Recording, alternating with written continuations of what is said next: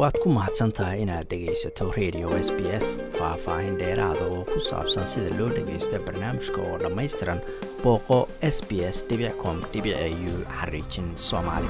Marka aad ku nooshahay dal dhaqamo kala duwan leh sida australia oo kale waxay u badan tahay inaad la kulanto ama la saaxiibto dad haysta diin ama dhaqan ka duwan kaaga. Waana lagama maarmaan inaad fahanto dhaqamaha iyo diimaha dadka kala duwan bulshooyinka kala duwan ee ku nool islaamka taasina waxa ay fududeynaysaa in bulshadu ay isfahamto ama ishaysato. Ka mid a dhaqamada bulshooyinkaas waa soonka oo diimo kala duwani ay gutaan. Warbixintan waxaanu ku eegaynaa sida soonku u saameeyo caafimaadka jirka iyo inuu faa'iido u leeyahay jirka ama ha noqoto inaad gebi ahaanba ka soonto cuntada iyo cabitaanada ama inaad dhinto cuntada aada cunto.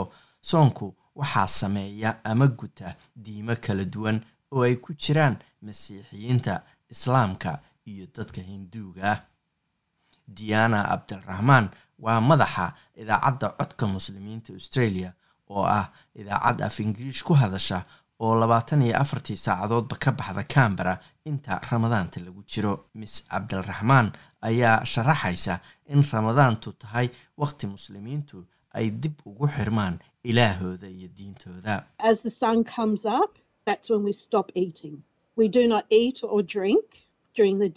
Qoraxdu markay soo baxdo ayaad joojinaysaa inaad wax cunto waxba ma cunaysid mana cabaysid maalintoo dhan ilaa qoraxdu haddana ay dhacdo oo aad oo ku aadan xilliga salaada afraad ee maalinta.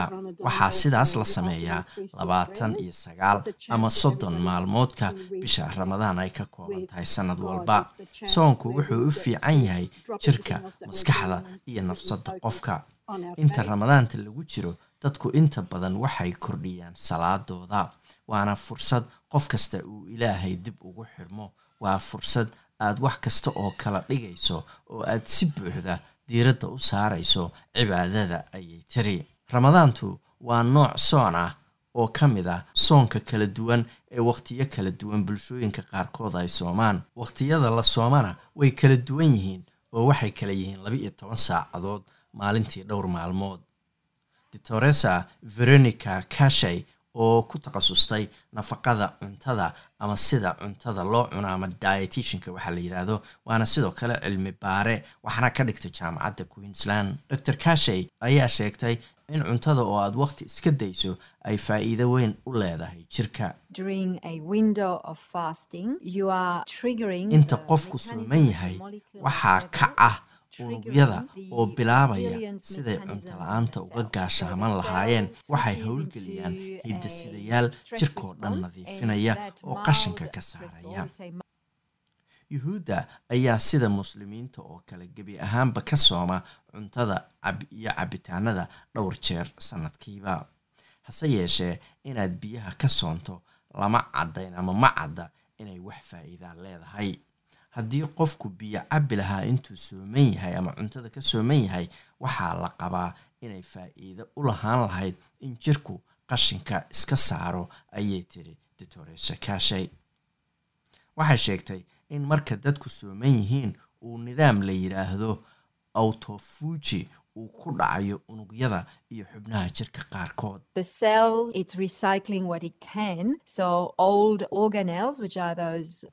Unugu dib ayuu isu samaynayaa. marka qaybaha duqoobay oo unuga ayaa dib u cusboonaanaya marka nidaamka autofujigu macnihiisu waa in xubnaha qaarkood unugyada qaarkood ay iscunayaan oo la mida inay isnadiifinayaan qashinka jirkana qashinkii jirka ayaa la cunayaa wasaqdii iyo suntii ayaa la yaraynayaa ama la saarayaa waana nidaam dib isu cusboonaysiin ah ayay tiri dictoradu dictoresa kashay ayaa sheegtay in marka qofku afuro unugyada jirku ay si fiican nafaqada u nuugayaan ama u qaadanayaan. And then when the person starts feeding again, then that switching from the fasting to the marka qofku bilaabo inuu cunto cuno soonkii kadib oo soonkii uu u bedelo cunto cunid oo jirka markaasi cuntada uu qaado faa'iido badan ayaa ku jirta sababtoo ah unugyadii laga joojiyey surplus, nafaqadii oo nafaqadii loo sii daayay hadda aad bay uga faa'iidayaan mana khasaarinayaan cuntadaas jirka soo galaysa. Wax xad dhaaf ahna ma aha markaad si buuxda ayay unugyadu uga faa'iidayaan ayay tiri. Waa laga maarmaan inaad cunto cunno fiican oo caafimaad leh oo aadan isticmaalin. Cunto sokorta ku badan tahay ayay tiri ditoreesadu. Sababtoo ah cuntadaas waxay kordhin kartaa sonkorta jirka oo dhaawac jirka u keeni karta. Diimaha qaarkood soonka macnihiisu ma aha inaad gebi ahaanba iska dayso cuntada oo dhan laakiin waxay iska daayaan cuntooyinka qaarkood. Hindidu tusaale ahaan soonku wuxuu ku bilowdaa in xoogaa cuntada la iska daayo waxaana loo gudbaa xilli aad cuntadoo dhan loo joojiyo. Inkasta oo diinta hinduuga soonku uusan qasab ku ahayn laakiin waxay u arkaan fal ruuxi ah oo lagu nadiifinayo jirka iyo maskaxda hase yeeshee kaatooliga ma cunaan hilibka maalinta jimcada inta lagu jiro afartanka maalmood ee lentiga la yiraahdo oo xilliga easterka ku soo aada. Halka masiixiyiinta orthodox griigana ay ka soomaan cuntooyinka xoolaha sida ukunta caanaha hilibka mararna ay ka soomaan saliidda olive oilka la yiraahdo iyo kalluunka. Waxayna waxyaalahaas ka soomaan inta u dhaxaysa boqol iyo siddeetan ilaa laba boqol oo maalmood sanadkiiba.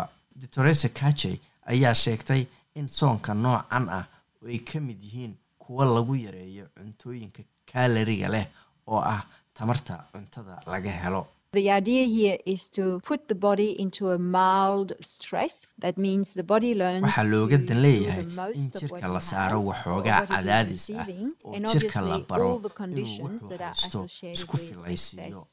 dabcan cudurrada la xiriira cayilka ama baruurta badan which keeni are all kara precursors xanuuno aan bixin sida sokorta ama So this does diabetes oo not take kale marka fikradda waa in jirku yeesho awood uu ku nadiifiyo wasaqda iyo qashinka ku jira faa'iidada ugu weyna waa inay yarayso cimri degdega cunto ka soonka waqtiyada kala duwan la soomo ee caanka noqday waxaa ka mid ah kan la yidhaahdo five dhibic labo diet oo ah inaad cunto cunto kaalarigiisu uusan ka badnayn shan boqol maalintiiba laba jeer toddobaadkii. Soon kale oo saynis ahaan la taageeray waa midka la mida midka cunto qaadashada nidaamsan ama dietka la yidhaahdo ee uu sameeyey ama soo saaray dor volter longo.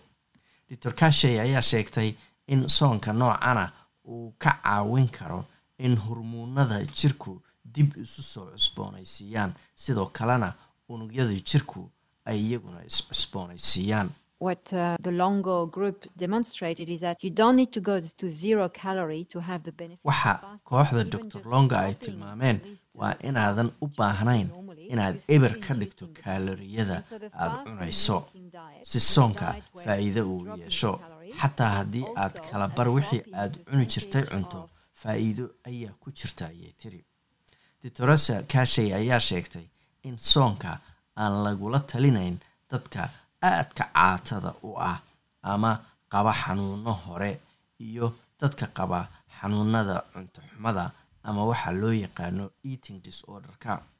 Adama konda wuxuu imaam ka yahay xarunta islaamka ee cambera wuxuu sheegay in carruurta dadka da-da iyo kuwa xanuunsan aan laga rabin inay soomaan bisha ramadaan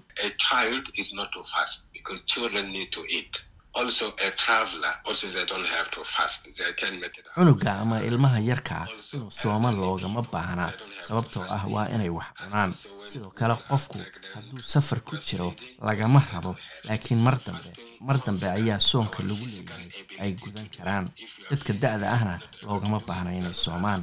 marka haweentu uurka ay leedahay ama ay nuujinaysana lagama rabo.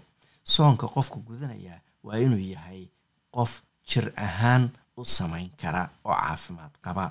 Xirfadlayaasha caafimaadka ayaa hoosta ka xariiqaya muhiimadda ay leedahay inaad cunto cunto isu dheeli tiran oo nooc walbo nafaqooyinka kala duwan oo cuntada ay ku jirto. Waxayna ku talinayaan inaad la kulanto ama la hadasho dhakhtarkaaga xaafadda ama g b-ga ama dhakhaatiirta ku takhasusa arrimaha cuntooyinka ee dietitianka la yiraahdo ka hor inta aadan bilaabin nidaam soon ah ama cunto kasoomid ama aada doonaysid inaad jirkaaga culayska ama cayilka uga dhinto. Waad ku mahadsantahay inaad dhegaysato raadiyaha s b s toos u dhegaysa barnaamijka habeenada arbacada iyo jimcada tobanka fiidnimo ama kaga soo cesho website-ka iyaga iyo s b s radio app booqo s b s com au xariijin soomaali